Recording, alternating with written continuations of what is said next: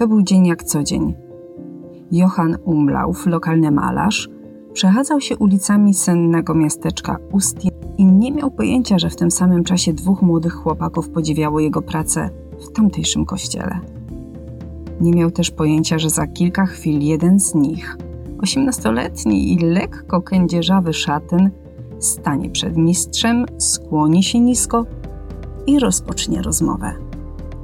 Połechtany, a przy tym świadomy swej pozycji mentora Umlauf zamieni z chłopakiem kilka niezobowiązujących zdań i nawet przez myśl mu nie przejdzie, jak znaczący wpływ będą miały jego słowa na późniejszy rozwój nowego kierunku w sztuce. Art Nouveau. Alfons Mucha. Część pierwsza. Artysta z przypadku. Zaprasza Agnieszka Kijas. Alfons Mucha, malarz, którego nazwisko stało się synonimem natychmiast rozpoznawalnego stylu nazywanego od jego nazwiska po prostu stylem muchy, często podkreślał, że jego artystyczny sukces jest dziełem przypadku. Uważał, że na jego życie wpływ miały trzy szczęśliwe zrządzenia losu i właśnie o jednym z nich dziś sobie opowiemy. I w tym miejscu dodam, że ten podcast o Alfonsie Musze powstał na życzenie słuchaczki Ady Ryłko, która jako pierwsza napisała do mnie na mój facebookowy fanpage dawno temu w sztuce i poprosiła, żebym zrobiła audycję poświęconą akurat temu artyście.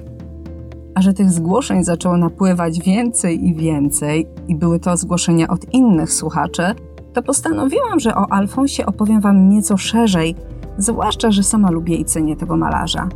I wymyśliłam, że nagram o nim aż trzy odcinki, a każdy będzie poświęcony jednemu z trzech przypadkowych wydarzeń, jakie zdaniem artysty zaważyły na jego artystycznej karierze.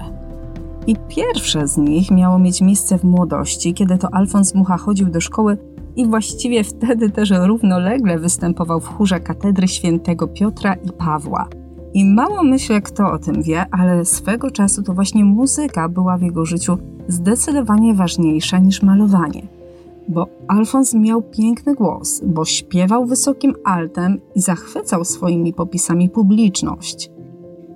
Niemniej jednak, choć talent miał, choć miał głos jak dzwon, no to nie można było go zaliczyć do prymusów. Uczniem był raczej miernym, często wagarował i dwa razy powtarzał klasę. Nauczyciele co prawda przymykali oko na jego wybryki, bo śpiewał cudnie i można powiedzieć, że Alfons tak ślizgał się na swoim talencie.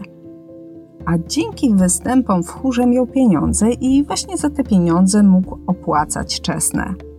Aż tu pewnego dnia z gardła młodzieńca zamiast anielskich nut wydobył się skrzek. I okazało się, że to jest mutacja. Tak, Alfons przechodził mutację, a tym samym jego marzenie o karierze śpiewaka wzięło w łeb. Musiał pożegnać się z chórem, a w konsekwencji też i ze szkołą, bo nie było już powodu, by trzymać Alfonsa w szeregach uczniów.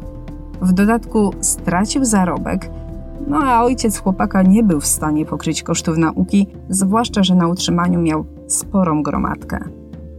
I tak młody Alfons wrócił w rodzinne strony z podkulonym ogonem i ze świadomością, że rozczarował swoich bliskich. Ale nie trwało to długo, bo już niebawem znowu poczuł wiatr we włosach. Przekonał rodziców, że jedynym wyjściem z tej trudnej sytuacji jest znalezienie pracy, a o to łatwiej było w dużym mieście. Tak oto obrał kurs na Brno, gdzie wynajął niewielkie mieszkanko, a żeby było mu raźniej, dobrał sobie współlokatora.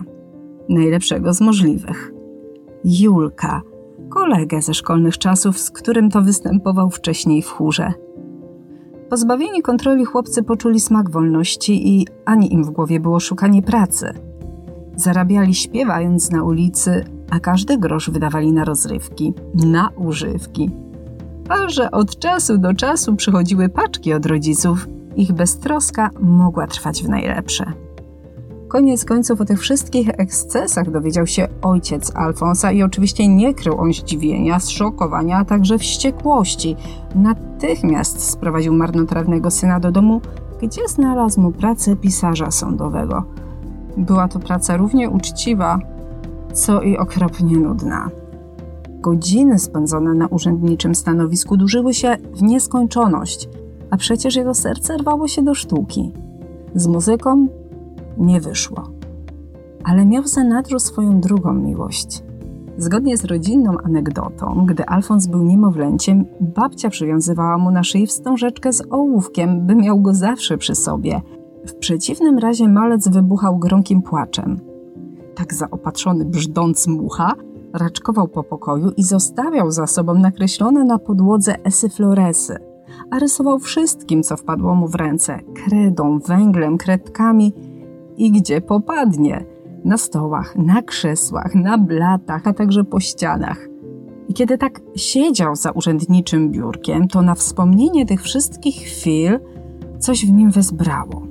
Uderzył pięścią w stół i stwierdził, że dłużej za biurkiem siedzieć nie będzie – z odsieczą przyszedł nauczyciel rysunku, który prowadził Alfonsa jeszcze w szkole, a następnie dawał mu lekcje w Brnie. Profesor przekonał ojca i Alfons dostał pozwolenie, by spróbować swoich sił na Praskiej Akademii Sztuk Pięknych. Tam podszedł do egzaminów, ale niestety jego prace nie spotkały się z życzliwym przyjęciem. Akademiccy wykładowcy orzekli krótko: Proszę sobie znaleźć inny zawód, gdzie będzie pan bardziej użyteczny. I ten wyrok profesorów ASP, bardzo niechlubny, zresztą bardzo nieprzychylny, pokrzyżował nieco szyki młodemu Alfonsowi, ale pracę w sądzie i tak rzucił. Musiał ochłonąć. Wyjechał do Julka, gdzie spędził kilka dni u jego rodziców w Uście. Julek chciał uatrakcyjnić pobyt swojemu przyjacielowi i zapewniał mu liczne atrakcje, wymyślał, gdzie mogą pójść i bawili się w barach, bawili się w knajpach, a że Alfons miał zacięcie plastyczne, to często szkicował portrety klientów w zamian za kolejkę czegoś mocniejszego. Niemniej jednak najważniejszym i najbardziej brzemiennym w skutkach punktem programu okazała się wizyta w morawskim kościele. To właśnie tam młody Alfons zobaczył utrzymane w barokowym stylu dzieła Johanna Umlaufa i on nie miał z wrażenia. Nie dość na tym. Gdy chłopcy wyszli ze świątyni, okazało się, że akurat autor tych obrazów przechodził w pobliżu i takiej okazji nie można było zmarnować. Alfons zaczepił go i wdał się w rozmowę o sztuce oraz o możliwościach rozwoju artystycznego. A trzeba przyznać, że Umlauf był wówczas cenionym malarzem i jego słowa zrobiły na chłopaku ogromne wrażenie. I wówczas Alfons, jako taki totalny laik, jeżeli chodzi o drogę artystyczną, totalny żółtodziób, uświadomił sobie, że wielcy artyści są wśród nas, że nie są jakimiś bogami, że poruszają się tymi samymi ulicami, że oddychają tym samym powietrzem. I właśnie wtedy uwierzył, że w przyszłości również i on może osiągnąć podobny sukces. Stało się inaczej. Alfons Mucha znacząco przepił dokonania Umlaufa i został królem francuskiej secesji, którą dziś określamy jako Art Nouveau. Ten wielki artysta przez całe swoje życie wierzył w przeznaczenie i jak sam wielokrotnie podkreślał, to przypadkowe spotkanie z Umlaufem było jednym z trzech losowych zdarzeń, które zaważyły na jego dalszym życiu. A jakie było drugie? O tym opowiem za miesiąc, w pierwszy czwartek sierpnia, a o trzecim w pierwszy czwartek września. Oczywiście tylko na dawno temu w sztuce. I dodam, że ten dzisiejszy podcast o jednym z czołowych przedstawicieli secesji, Alfonsie Musze, powstał na życzenie słuchaczki Ady Ryłko, którą z tego miejsca serdecznie pozdrawiam i do której się uśmiecham tutaj właśnie za mikrofonu. A jeżeli Ty również chciałbyś, żebym nagrała odcinek o Twoim ulubionym obrazie, to wejdź na mój facebookowy fanpage, który dla ułatwienia nazywa się dokładnie tak samo jak ten kanał, czyli dawno temu w sztuce, i napisz do mnie. Dodam jednocześnie, że bardzo Wam pięknie dziękuję za wszystkie dotychczasowe zgłoszenia. Jest ich bardzo dużo, ale staram się je na bieżąco opracowywać. Miejcie jednak dla mnie pewną cierpliwość i taką dozę wyrozumiałości, ponieważ jedne tematy są proste, do innych muszę się przygotować, a jeszcze inne, takie jak na przykład ten dzisiejszy o Alfonsie Muszę, trzeba rozbić na kilka części, bo są to tematy tak ciekawe, że nie sposób ich zamknąć w jednym podcaście. Przypominam, że my słyszymy się co czwartek na malarskich podcastach, a także w ostatnią sobotę miesiąca na recenzjach malarskich filmów, jakie nagrywam dla Fundacji Kinoszkoła. I te audycje, te kinoszkołowe audycje, dofinansowywane są ze środków Narodowego Centrum Kultury w ramach programu Kultura w sieci.